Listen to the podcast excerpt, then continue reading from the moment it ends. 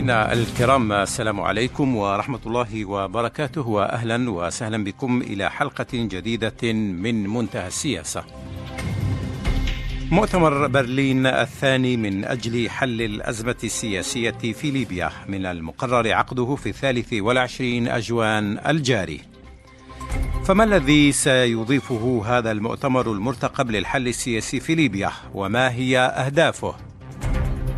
سنحاول في هذه الحلقة من منتهى السياسة أن نناقش أبرز العقبات والعوائق التي تقف في وجه التوصل إلى حل شامل في ليبيا مع إعادة بناء المؤسسات المنتخبة بدءا من رئاسة الدولة. لمناقشة موضوع مؤتمر برلين الثاني المرتقب عقده في الثالث والعشرين من الشهر الجاري. أرحب بدكتور محمد الأمين مقراوي الأستاذ الجامعي والمحلل السياسي وبالزميل الصحفي حفيظ دعماش. وأرحب بكم أنتم أيضا مستمعينا الكرام إلى هذه الحلقة من منتهى السياسة.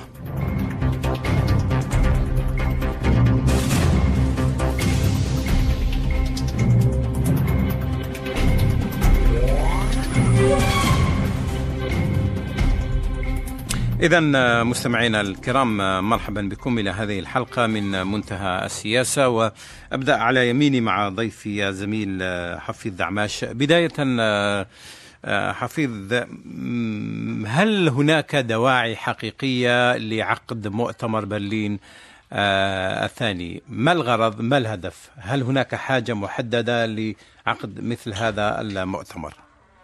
بطبيعة الحال هناك حاجة م... ال... ال... أي اجتماع حول ليبيا أصبح ضروري خاصة من م. الأطراف الدولية الفاعلة في ال...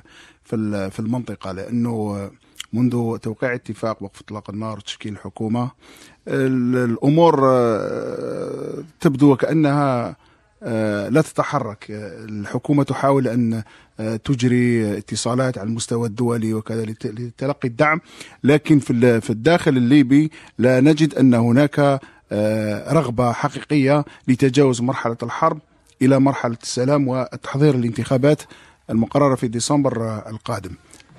الواقع حاليا هو أنه بعض قادة الحرب يحاولون أن يتحولوا إلى قادة سياسيين لتحضير أنفسهم لهذه الانتخابات وللمرحلة السياسية القادمة.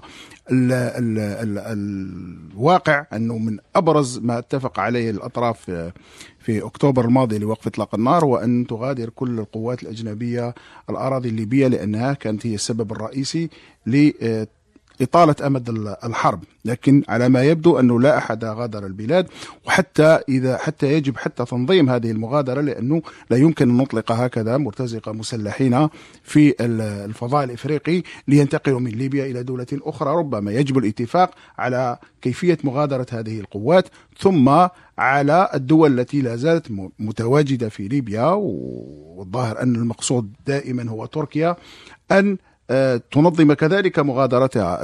الظاهر أنه تركيا لا تريد أن تغادر بدون أن تلقى أي ضمانات لحياز لأنها في الحقيقة تدخلت من أجل مصالح اقتصادية وجيوسياسية. يجب أن تتوفر لديها هذه المصالح وهذه حتى تغادر البلاد.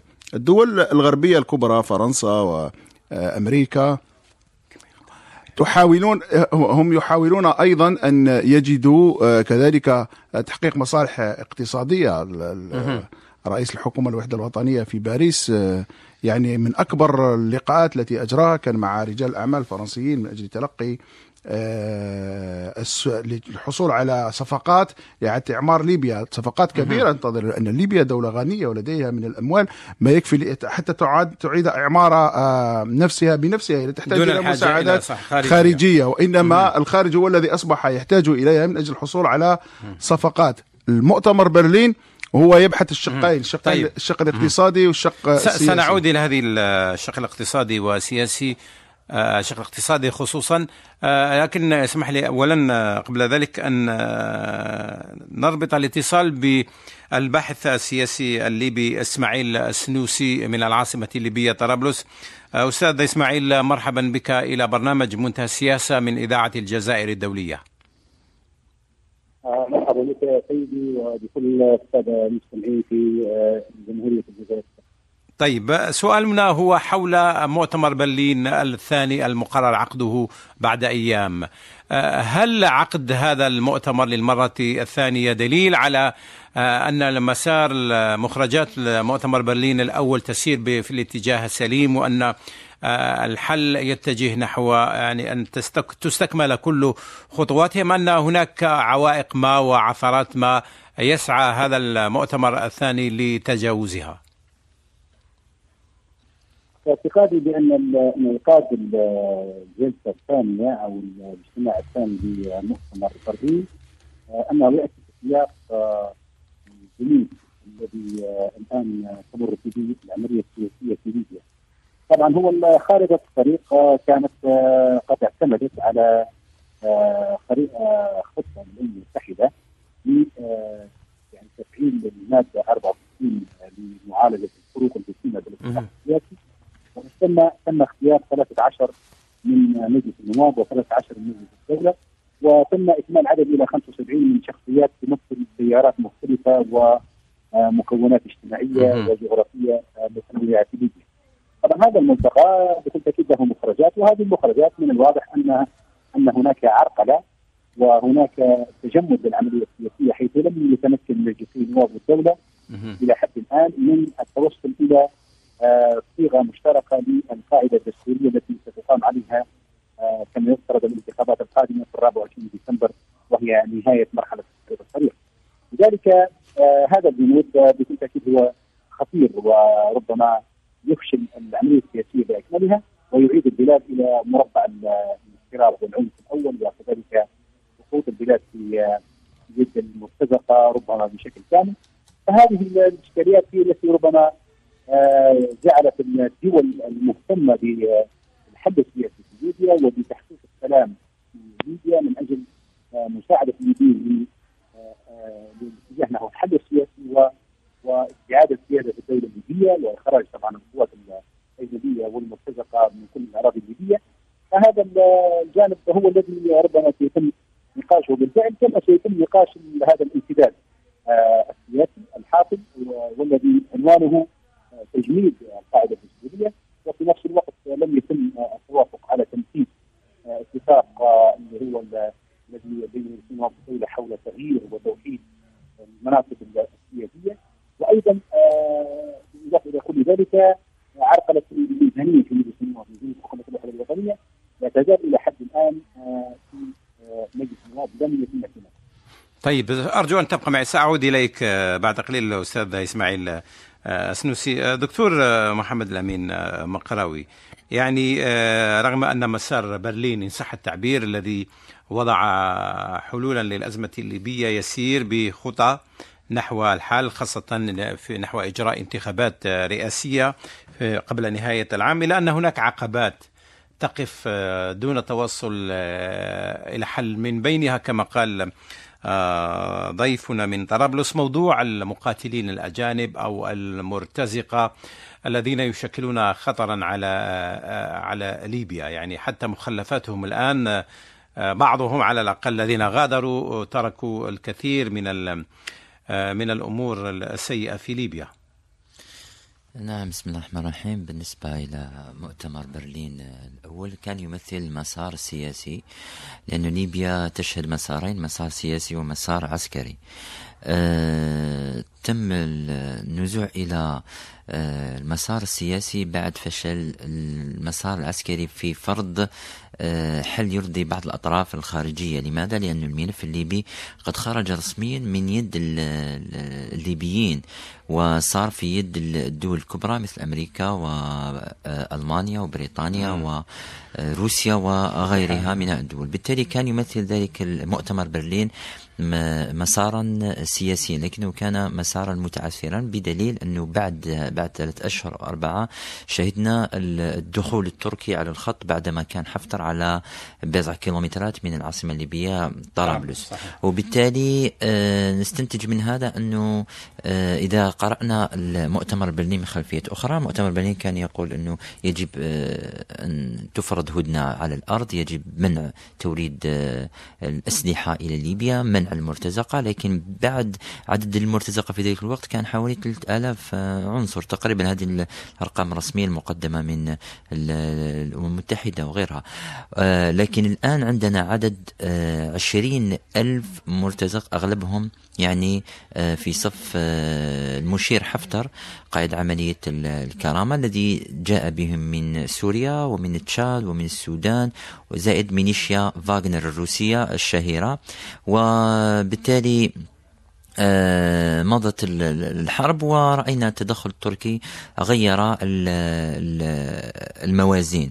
بالنسبة إلى مؤتمر برلين آه، الثاني يأتي حاليا في آه، ظل تجمد يعني الملف الليبي. هذه النقطة الأولى. النقطة الثانية وجود قوات عسكرية كبيرة من الطرفين يعني يفصل بينها حاجز 50 كيلومتر فقط الجانب الأول هو الجانب حكومة الوفاق المعترف بها دوليا والجانب الثاني هو جانب ميليشيات حفتر المدعومة من روسيا وخاصة آه، مصر والإمارات واليونان وفرنسا يعني يمكن الخلاص القول أن الملف الليبي يتأرجح بين مسارين مسار سياسي عسكري المسار العسكري.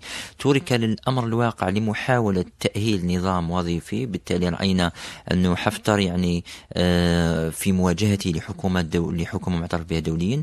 لم ينل أي إدانة رغم جرائم الحرب التي ارتكبتها الميليشيات خاصة الميليشيات آه، الميليشيات الكانية الكانيات أو الكاني مشيت محمد كاني والذي رأينا يعني مؤخرا آه، مقابر جماعية كثيرة ظهرت.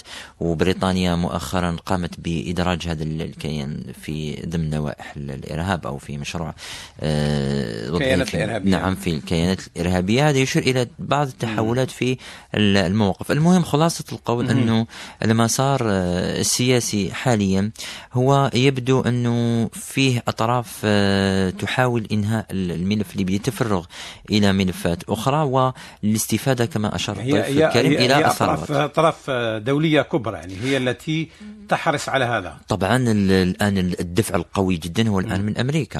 لما لما عينوا عينوا آه، آه، سفير جديد ميشيل نورلاند طيب. آه، دفع بالعملية إلى الأمام. نعم, نعم. ساعود إلى ضيفي إلى من العاصمة الليبيه طرابلس الباحث السياسي إسماعيل سنوسي. يعني آه، الآن آه، تقريبا آه، قبل بضعة أشهر من تنظيم انتخابات رئاسية كما ينص عليه الاتفاق السياسي. هل تعتقد أن ليبيا والأجواء السائدة الآن سياسيا وعسكريا تسمح بعقد هذه الانتخابات الرئاسية في وقتها وهل هذه الخطوة آه، ضرورية كأول خطوة ولا يجب أن تسبقها خطوات آه، أخرى؟ دعني أكون صريحا معك نعم. أن هناك مخاوف تتكلم حول يعني نجاح ربما بعض الأطراف في إجراءات الانتخابات القادمة سواء كانت آه، بالذات يعني وجودها مباشر طبعا لا تعترف أصلا بالقوات الموجودة في ليبيا كما هو الحال مع الاتحادية. أو كانت ربما آه، يعني أجندات داخلية لبعض أعضاء مجلس النواب ومجلس الدولة. كذلك من أجل الاستمرار في آه، مناصبهم إلى أهل المسمى. وبالتالي كان الانتخابات آه، هناك أطراف يعني ليست في صالح هذه الانتخابات تحاول مهما يكون عرقله هذا الاستحقاق ولكن أيضا هناك ربما مؤشر ايجابي من خلال الضغوطات المتزايده من أجل الوفاء بالالتزامات التي تقع على عاتق الدولة أو تقع على عاتق حكومة الوحده الغنيه من أجل تسليم السنوات القادمة. سواء كان احتجاج دستوري وهو تعديل الدستوري يكون هناك قاعدة دستورية أو كان يعني الظروف التي ينبغي أن وكذلك لاحظنا أن هناك اصرار امريكي على عدم تغيير مجلس اللي هو زيادة المفوضين الانتخابات بسبب أن هذا يؤثر على الانتخابات وهو بالفعل كذلك يعني لأن بقيت فقط على الانتخابات ستة أشهر أو أقل وبالتالي كان تغيير مجلس المفوضين للانتخابات يؤثر يكون تأكيد على الأقل على موعد تلك الانتخابات ولكن بقاء هذا هذا هذا المنصب يؤثر على موضوع تغيير المناطق الأخرى مثل التي فيها فيها مناطق منقسمه بين الشرق والغرب ويتطلب ذلك الامر توفير هذه المؤسسات وتنفيذ قياداتها وهذا يبدو على أنه شائك وصعب ودخل في يعني ربما طريق مشكلة أمام المدرسين وبالتالي ولذلك الضغوطات الدوليه أيوه. الاجتماع الدولي وكذلك ما يلعبنا ما سيكون ما سنشهده المخرجات في المؤتمر. طيب. الثاني أو هذا نعم. آه، نعم يعني مهم. نشهد التريبه من أجل تحقيق نعم آه، نعم الأستاذ إسماعيل سنوسي آه، يعني بالكاد نفهم ما تقوله لأن فعلا الخط آه، غير واضح تماما.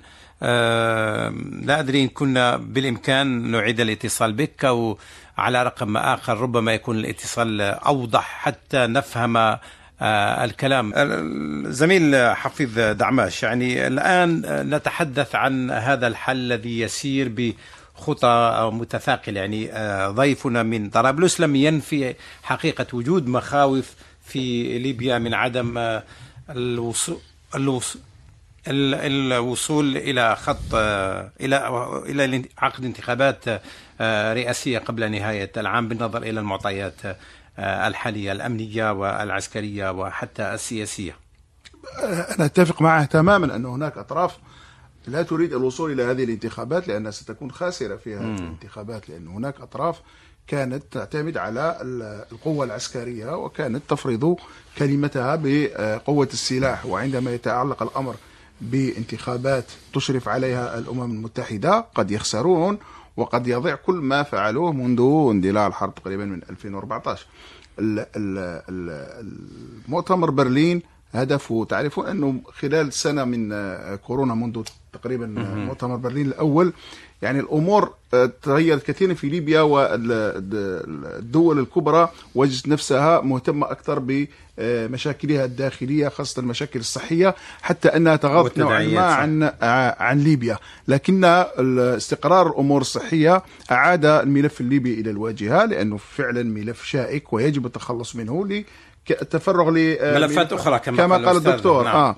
ال ال الواقع أنه في ليبيا حاليا يعني اول امس آه، أمس آه، ال- انفجار إيه، تقصد. تفجير هذا الإرهابي وقد تبنته آه، الدولة الإسلامية. ما يدل على أنه الوضع ما زال وأين في سبها يعني في مكان تواجد القوات ال- حفتر و- وسيطرته على على على المنطقة يعني ال ال ربما حتى يقول هؤلاء أن الوضع الأمني في ليبيا لم يستقر بعد وأن الانتخابات لم يحن موعدها لكن الناس بدأت فعلا في حملة انتخابية سواء على المستوى الدولي أو على المستوى الداخلي من استطاع أن يظهر قوته السياسية. أظهرها ومن استطاع أن يظهر تواجده على المستوى الدولي كما فعل وزير ال- الداخلية السابق بزيارته الماراثونية خاصة إلى روما وبروكسل في مقر البرلمان الأوروبي يعني الناس راهي تحاول أن آه، تبيع آه، نفسها للأطراف الخارجية لأنه الانتخابات ستجري آه، تحت رعاية دولية ولن تسمح هذه الرعاية الدولية صحيح. بسيطرة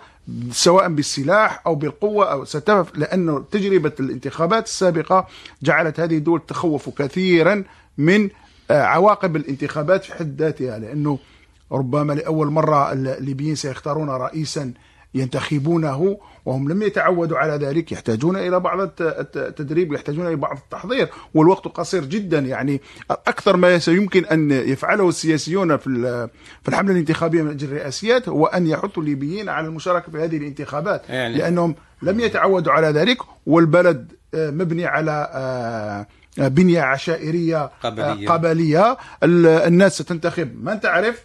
ولن تنتخب من يفرضه لا برلين ولا باريس ولا ولا صاحب ولا روما. سياسي ولا ستنتخب من من ابن عشيرتها ابن العشيره والقبيلة صحيح. وسيظهر حتى أنه كما رأيتم أنه سيف الإسلام القذافي يحاول أن يظهر نفسه على أنه ربما حتى السنوسية الوحيد يعني ال- هناك حديث عن عودة الملكية الدستورية أو العائلة هناك- الملكة السابقة طبعاً اللي- هنا- هناك مروجين يعني- لهذه آه، الفكرة. آه موجود صحيح. هذا التيار. يعني أنت أشرت إلى موضوع القوى الكبرى التي ترعى هذه الانتخابات آه، أستاذ آه، مقراوي. يعني ب- برأيك هل هذه الدول التي آه، دول سبعة على الأقل مثلا قبل يومين أصدرت آه، موقفا آه، تدعم فيه تنظيم هذه الانتخابات في موعدها. يعني هذا الموقف الدولي الداعم لعقد مثل هذه الانتخابات قد يزيل كل المخاوف الأخرى الموجودة على الصعيد الداخلي. كل القوى الليبية الآن ستنصاع مثل ما انصاعت قبل ذلك وأوقفت المواجهات واضطرت إلى توقيع الاتفاق السياسي. هذه المرة ستضطر إلى الذهاب إلى الانتخاب هذه الانتخابات ولا يمكن لها أن تعطل تنظيم هذه الانتخابات في الموعد المحدد. انتخابات رئاسية طبعا نقصد. نعم إذا رجعنا إلى الدول الكبرى التي لها يد في الملف الليبي سنتحدث بالطبع عن أمريكا التي قامت بحراك سياسي قوي في في المدة الأخيرة منذ اغتيال الرئيس تشاد الرئيس تشاد الأخير. يعني إدريس ديبي. لماذا؟ لأنه المعطيات تشير إلى أن عملية الاغتيال تمت من خلال ميليشيات دربتها آه، ميليشيات فاغنر الروسية. وبالتالي هذا بالنسبة إلى أوروبا هذا يمثل تحول خطير. خاصة أن روسيا الآن تتدخل في ملفات كثيرة في أفريقيا مثل مالي و آه، تشاد. هذا يزعج الولايات المتحدة الأمريكية. لماذا؟ لأنه خلال السنة العشر سنوات الأخيرة والعقد القادم تمثل القارة الإفريقية التي تمتلك حوالي 1.5 مليار نسمة. سوق استهلاكية ضخمة. وبالتالي المنافسة على القارة الإفريقية تشتد بين أمريكا من جهة والصين آه، من جهة أخرى ودخلت روسيا على الخط. يعني يجب قراءة الموضوع في ظل هذه التطورات. التعجيل بهذا التعجيل بدفع المسار السياسي. قلنا سببه الوجود الروسي. الوجود الروسي قوي صراحة في ليبيا ويزعج آه، يزعج الغرب. يزعج الغرب. وبالتالي حتى الغرب لا يملك ادوات ضغط حقيقيه حتى المبعوث المبعوث الأممي يان كوبيتش وسلوفاكي لا, لا يملك ثقل حتى عندما يلتقي مع الأطراف. بينما عندما تم تعيين السفير الأمريكي آه، ميشيل نورلاند. حرك العملية لماذا؟ لأنه سفير الولايات المتحدة الأمريكية بما يمثله من آه، ثقل. عندما عندي سؤال يعني عندما تشير إلى آه، إلى روسيا ودور روسيا والقلق الأمريكي والغربي من الدور الروسي هل هذا يعني أن روسيا تقف ضد تنظيم هذه الانتخابات أو أنها لا تدعمها أو أن تنظيم هذه الانتخابات سيعني خروج روسيا من المعادلة الليبية؟ آه هو طبعا ليبيا آه، فيها مصالح كثيرة ومصالح متعارضة، اولا الكتلة الطاقوية ضخمة جدا حوالي أكثر من 3 مليون برميل نفط يوميا، ثانيا تمثل ثاني دولة آه، في الثروات النادرة، آه، أمر آخر هي بوابة غرب إفريقيا وبالتالي من يسيطر ومن يضع قدم وأيضا موضع قدم ثاني بالنسبة لروسيا في نعم. المياه الدافئة بعد نعم. سوريا. نعم بالتالي من من يسيطر على هذه المنطقة سيكون قد وضع يدا في غرب إفريقيا. أيضا هي دولة مهمة جدا في آه، البحر الأبيض المتوسط خاصة ما يسمى ملف الشرق المتوسط. نلاحظ آه، آه، روسيا يهمها موضوع الغاز اولا موضوع النفط أيضا التحكم في الأسعار وغيره.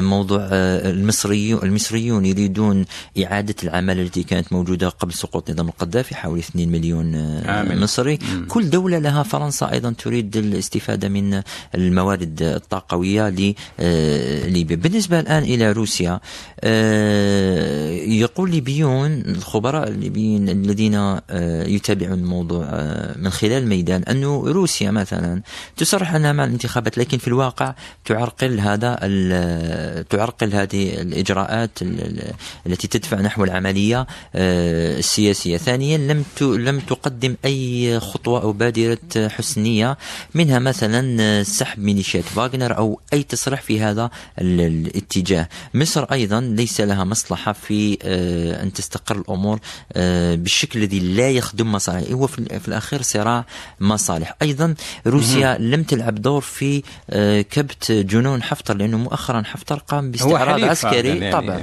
قام باستعراض عسكري بمناسبة الذكرى السابعة لعملية الكرامة التي انطلقت سنة 2014 بالتالي كل هذه المؤشرات تبعث على التخوف من عدم نجاح العملية آه، السياسية وروسيا فعلا يحسب لها ألف حساب لأنه يوجد قوة آه، عسكرية. وهذا يفسر بعض التصريحات الليبية التي ترى أنه أن الحل السياسي لا يزال بعيدا رغم الحراك السياسي الأوروبي الأمريكي وأنه يجب أن أن أن, أن يحسم الموضوع عسكريا آه، وبعدها لما يصير عندك طرف طرف غالب ممكن بعدها أن تمضي طيب. العملية طيب أستاذ إسماعيل كنا نتحدث الآن عن دور الدول الكبرى التي تبدو مصرة على تنظيم هذه الانتخابات في موعدها هل تعتقد أن هذا الدعم الدولي يمكن أن يبدد المخاوف وأن يضع حدا لمساعي البعض لتعطيل هذه الانتخابات و إبقاء بيت لقمان على حالها كما يقال. بكل تأكيد هو حسب خارطه الطريق زي ما ذكرت لك وربما الفكرة كانت منذ البداية هي هي ضرورة تغيير الأجسام الحالية آه، والتوصل إلى حكومة ومجلس نواب آه، منتخب مباشرة من الشعب لكي آه، يعني ينتهي الجدل حول الشرعيات في ليبيا وبالتالي يمكن حينئذ معالجة كل الملفات يعني المتعلقة سواء باستعاده السياده الدولة الليبيه وإخراج القوات الأجنبية والمرتزقة سواء كانت ترتيب الوضع الدستوري في البلاد سواء كان أيضا يعني ترتيب مصالح ليبيا آه، مع مع الدول التي آه، لها علاقة بليبيا بطريقة أو بأخرى سواء كانت عن طريق الجوار أو عن طريق التاريخ المشترك عن طريق ربما بكونها دولة عظمى. لها نفوذ في كل مكان في العالم وإلى آخره. هذه يعني هناك تضاربات لأن ليبيا كما تعلم سيدي هي طبعا بلد شاسع المساحة وقليل من حيث عدد السكان وأيضا هناك إشكاليات التدخلات الإقليمية صحيح. السلبية خاصة من جهة الشرق. وبالتالي فإن هذا يعني يتطلب بكل تأكيد ترتيب يعني آه سياسي آه دقيق يعني لكي نتجنب نتجنب في المرحلة القادمة.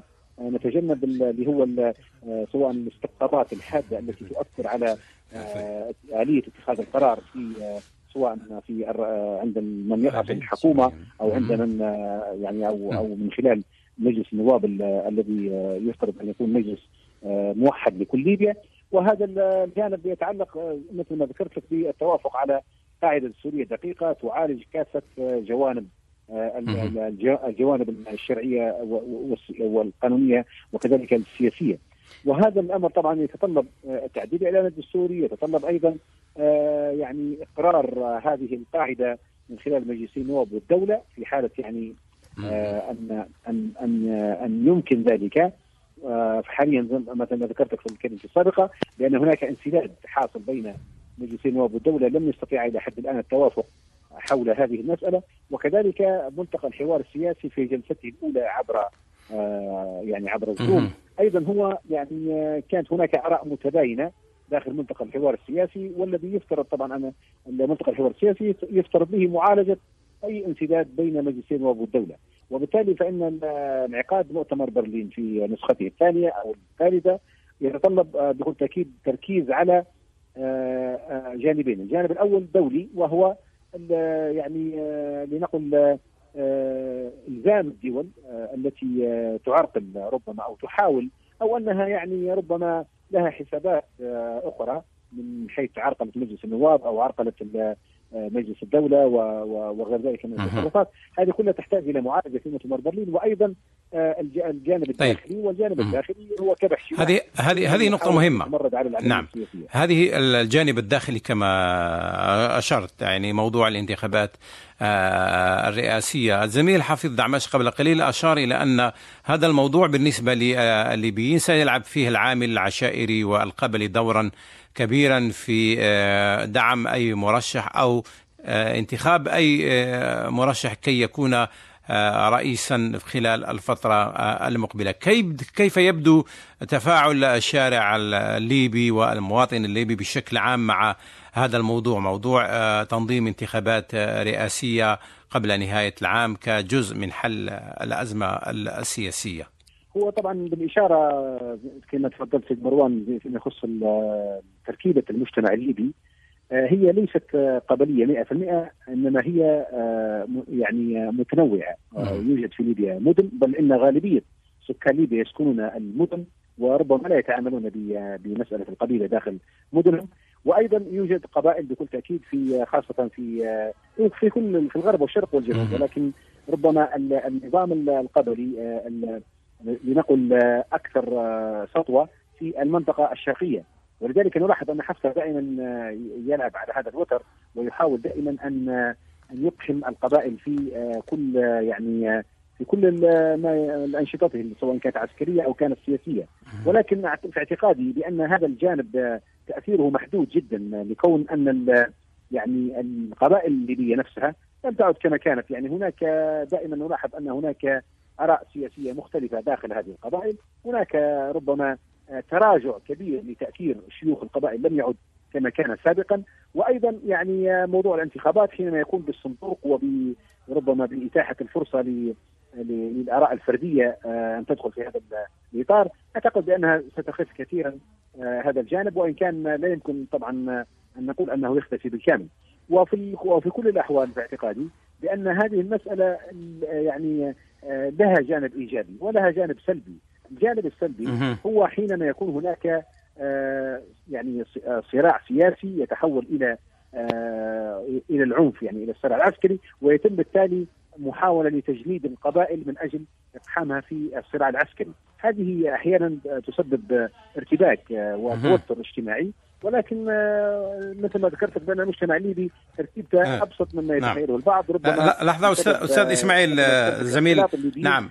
ضيفي ضيفي هنا في الاستوديو يريد أن يعلق حول هذه النقطة. فيما يخص دور القبائل و شيوخ العشائر لاحظنا أنه حتى المشير حفتر عندما يريد أن يتوجه بالخطابات عادة ما يضع في مقدمة في صفوف القاعات يعني رؤساء هذه العشائر معتمدا عليها أصلا في آه، حربه سواء العسكرية وحتى السياسية. هو قال ذلك تحدث عن حفتر وقال أنه يلعب كثيرا على هذا الوتر.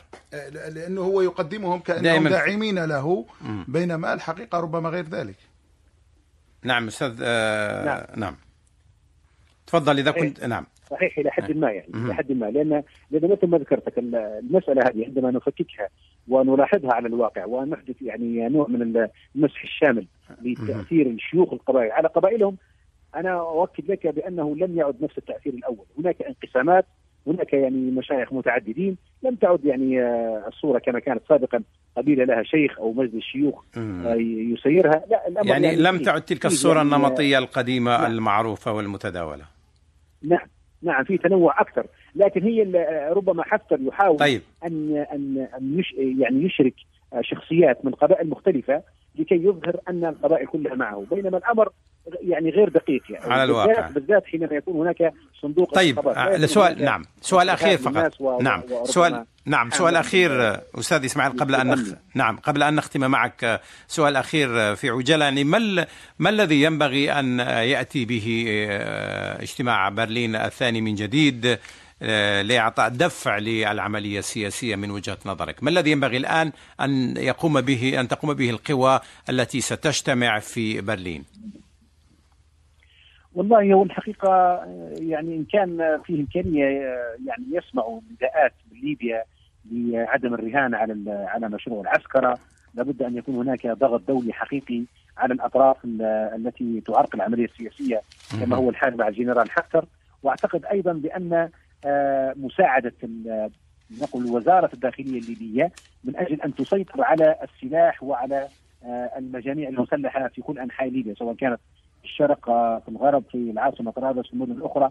لابد أن يكون هناك قوة ووجاهة لوزارة الداخلية تتمتع بها وفي اعتقادي بأن كلما زاد الدعم الدولي والإقليمي تحديدا آه، لوزاره الداخلية وكذلك وزارة الدفاع أعتقد بأنه يمكن آه، دمج آه، المجاميع المسلحة وتأهيلها وتفكيكها وبالتالي يعني التخفيف ربما في الوقت الحالي من تأثير السلاح على المشهد السياسي. نعم يعني أعتقد بأن هناك بصراحه الكثير من الأمان تعقد على التوافق الدولي سواء في مؤتمر برلين أو في يعني في سياسة الدول تجاه ليبيا وبالذات دول الجوار. وأنا هنا أعول كثيرا دائما على العمق المغاربي لليبيا خاصة الجزائر وتونس والمغرب. يعني الحقيقة بأننا نحتاج أن تقف معنا هذه الدول وقفة أقوى من التي نشهدها حاليا وأن يكون هناك تواصل مع الأطراف المحلية وضغط عليها آه، ممارسة ضغوطات دبلوماسية ورب آه، وأيضا يعني دعوتها إلى اجتماعات مستمرة والتواصل بينها في اعتقادي بأنه يمكن أن يخفف من ظاهر آه، عرقلة العملية السياسية بسبب يعني آراء داخلية. طيب نعم شكرا جزيلا لك الباحث السياسي إسماعيل السنوسي كنت معنا من العاصمة الليبية طرابلس واقف عندما قاله الأستاذ إسماعيل حول الهاجس الامني أو عدم عسكرة المجتمع الليبي. يعني ما هو مطلوب الآن من من اجتماع برلين الثاني زميل حفيظ دعماش هو العمل على توحيد القوى العسكرية أو كل الجهات التي يعني المسلحة أن, أن يتم دمجها كلها في مؤسسات أمنية وعسكرية واحدة ولتكون هناك أطراف تملك سلاح خارج إطار الدولة والحكومة المعترف بها رسميا. هل تعتقد أن مؤتمر برلين الثاني ممكن أن يدفع في هذا الاتجاه؟ في الحقيقة بالنسبة للأطراف الدولية المواجهة العسكرية قد طي تم طي ملفها يعني بتوقيع اتفاق وقف إطلاق النار.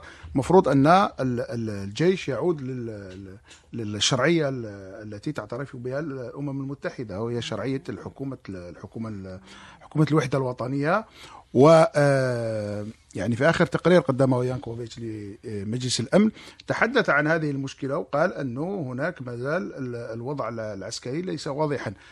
تلاحظ أنه دائما الليبيين يعولون على وزارة الداخلية وليس على وزارة الدفاع. لأنه وزارة الدفاع تقريبا سيطر عليها المشير حفتر ولم يعد بالإمكان السيطرة عليه إلا إذا انسحبه وقدم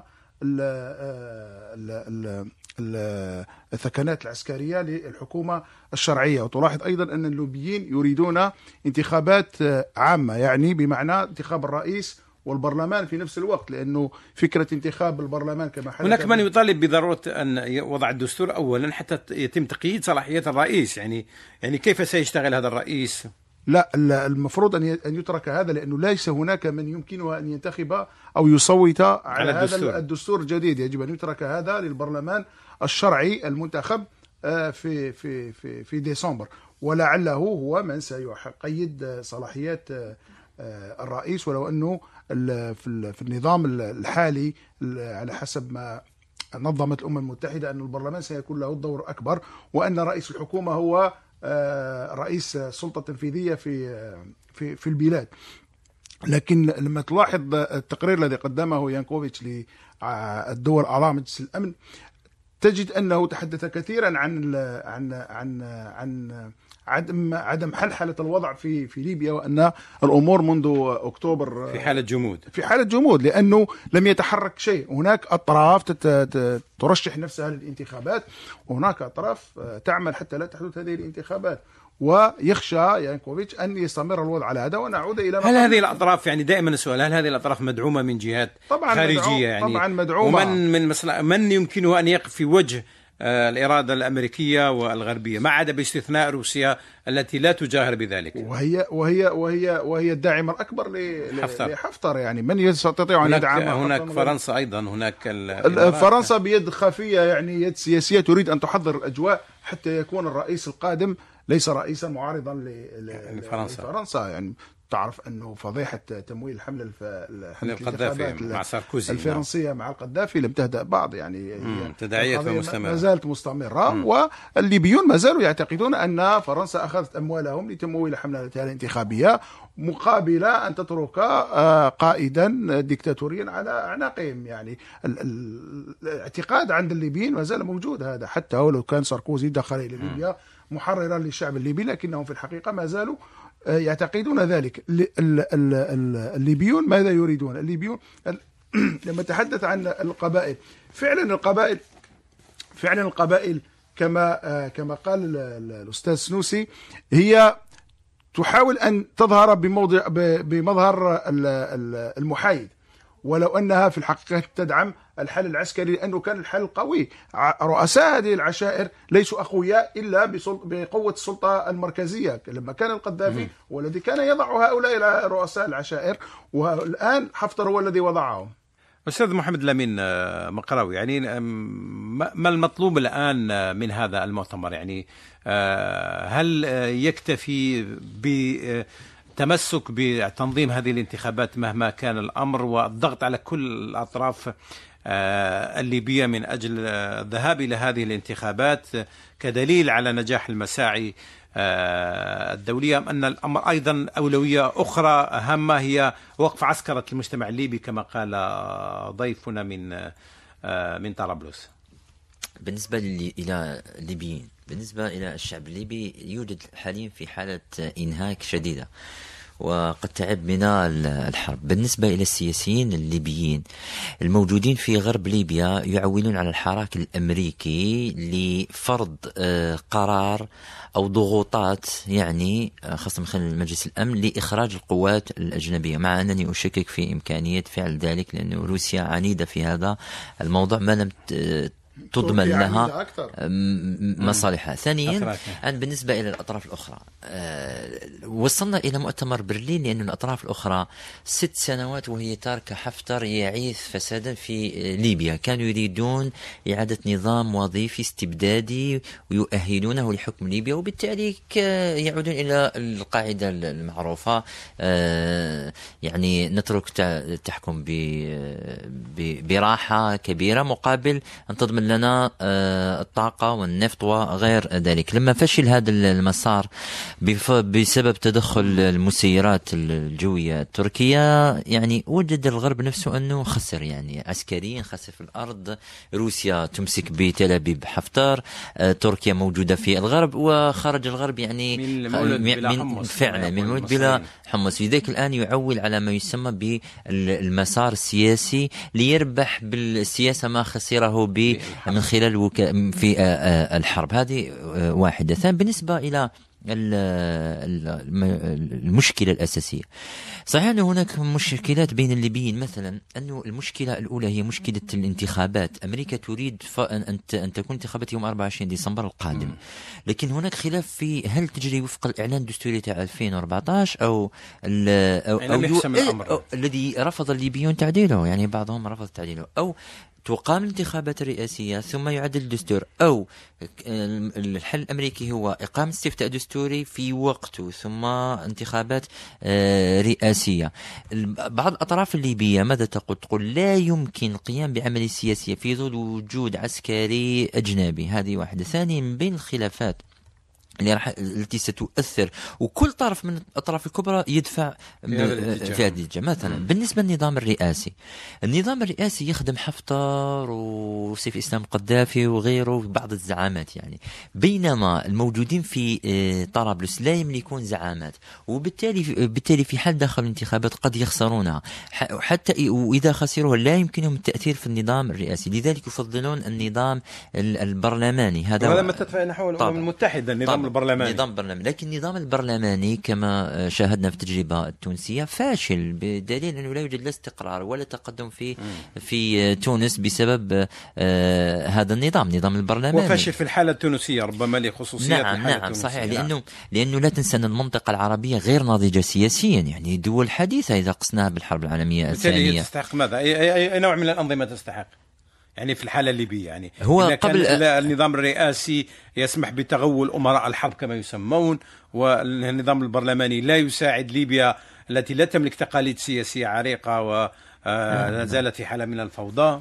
هو هذا نفس الحالة التي كانت في أوروبا. لما دمرت الحرب العالمية الثانية أوروبا بعدها توجه الأوروبيون نحو ما يسمى ما يسمى النهج الواقعي والتوافقات. هذا الذي سيسير إليه الليبيون. هم يسيرون أفضل حل. صراحة طبعا ان صاروا واقعيين لأنه كلهم خاسرين في الموضوع. يعني لا أحد مستفيد من عدم استقرار ليبيا. خاصة انه الليبيين في فترة من الفترات كانت كانت معيشتهم يعني عموما جيدة يعني وبالتالي البلد كبير كل وغني وعدد سكان قليل يعني. فقدوا كل شيء. هذا بجانب الزعامات. في جانب طيب. آخر هو قضية المناصب. يصر المؤثرون في ليبيا على أن أن من يترشح من المناصب السيادية يجب حسم أسمائهم مسبقا. وهذا واحد من الإشكالات الكبيرة. أيضا عندنا مشكلة. يعني شروط الترشح أيضا ستكون مشكلة. يعني من يحق له الترشح؟ مزدوجي الجنسية. الليبيون يرفضون. والمتورطون في نعم. صحيح. المجازر وفي هذه ستكون مشكلة بالنسبة لحفتر فعلا, فعلا فعلا. طيب آه، بقي سؤال أخير يعني في ذهني. كل مرة آه، آه، نستضيف ضيف ليبي يكرر دائما نفس الرغبة الليبية. يبدو أنها تسري في الشارع الليبي. دائما آه، تسمع آه، الليبيين يعبرون عن أمانيهم أو أمنياتهم في أن تلعب دول الجوار المغاربي أدوارا أكبر في آه، حل الأزمة الليبية ومساعدة الليبيين على الخروج من الأزمة ربما لاعتقادهم أن دول آه، الجوار من بينها الجزائر وتونس لا تملك يعني مصالح مثل ما تملك الدول الغربية والدول الأخرى التي تتدخل من أجل ربما تنفيذ أجندات معينة وليس بحثا عن مساعدة الليبيين وحفظ استقرارهم وأمنهم يعني هل يمكن لدول الجوار المغربي أن تلعب أدوار أكبر مما هي مما هو عليه الأمر الآن؟ في الحقيقة كما عبرت الجزائر عدة مرات أنها مع الاستقرار في ليبيا والدليل أنها لم تتدخل أبدا في الشأن الداخلي الليبي وإنما كلما طلب الليبيون المساعدة قدمتها. لكن في وقت ما سمعنا الرئيس الرئيس عبد المجيد بن قال أن أن طرابلس خط أحمر العام الماضي طبعا لأنه م. لأن الأمور وصلت إلى ما ما لا يمكن تقبله يعني تصور انه المشير حفتر كان يهدد باقتحام طرابلس وإزالة الحكومة الشرعية وأي دولة يعني تحترم نفسها لا يمكن أن تقبل بهذا ومنها الجزائر بحكم قربها الجوار والعمق لأن. العدوان الذي عبر عنه حفتر تجاه الجزائر لم يكن مقبولا لذلك كان رد من الرئيس الجزائري وهذا شيء طبيعي جدا لأنه حفتر هدد حتى باقتحام الجزائر وحتى هناك بعض المتطرفين يعني. في آه، في جهته تحدثوا عن آه، دخول القوات الليبية إلى الجزائر بطبيعة الحال كان هذا آه، الرد وإنما الجزائر وقفت دائما بجانب الشرعية الدولية لما تجي تأتي إلى تونس تونس وفرت الخلفية الآمنة لإجراء ومغادره وسفر القاده الليبيين لوجستي يعني الدعم آه طبعا. وهي الآن تطلب أيضا المساعدة لأنه تقريبا تونس هي الدولة الوحيدة اللي تطلب مساعدة من ليبيا يعني.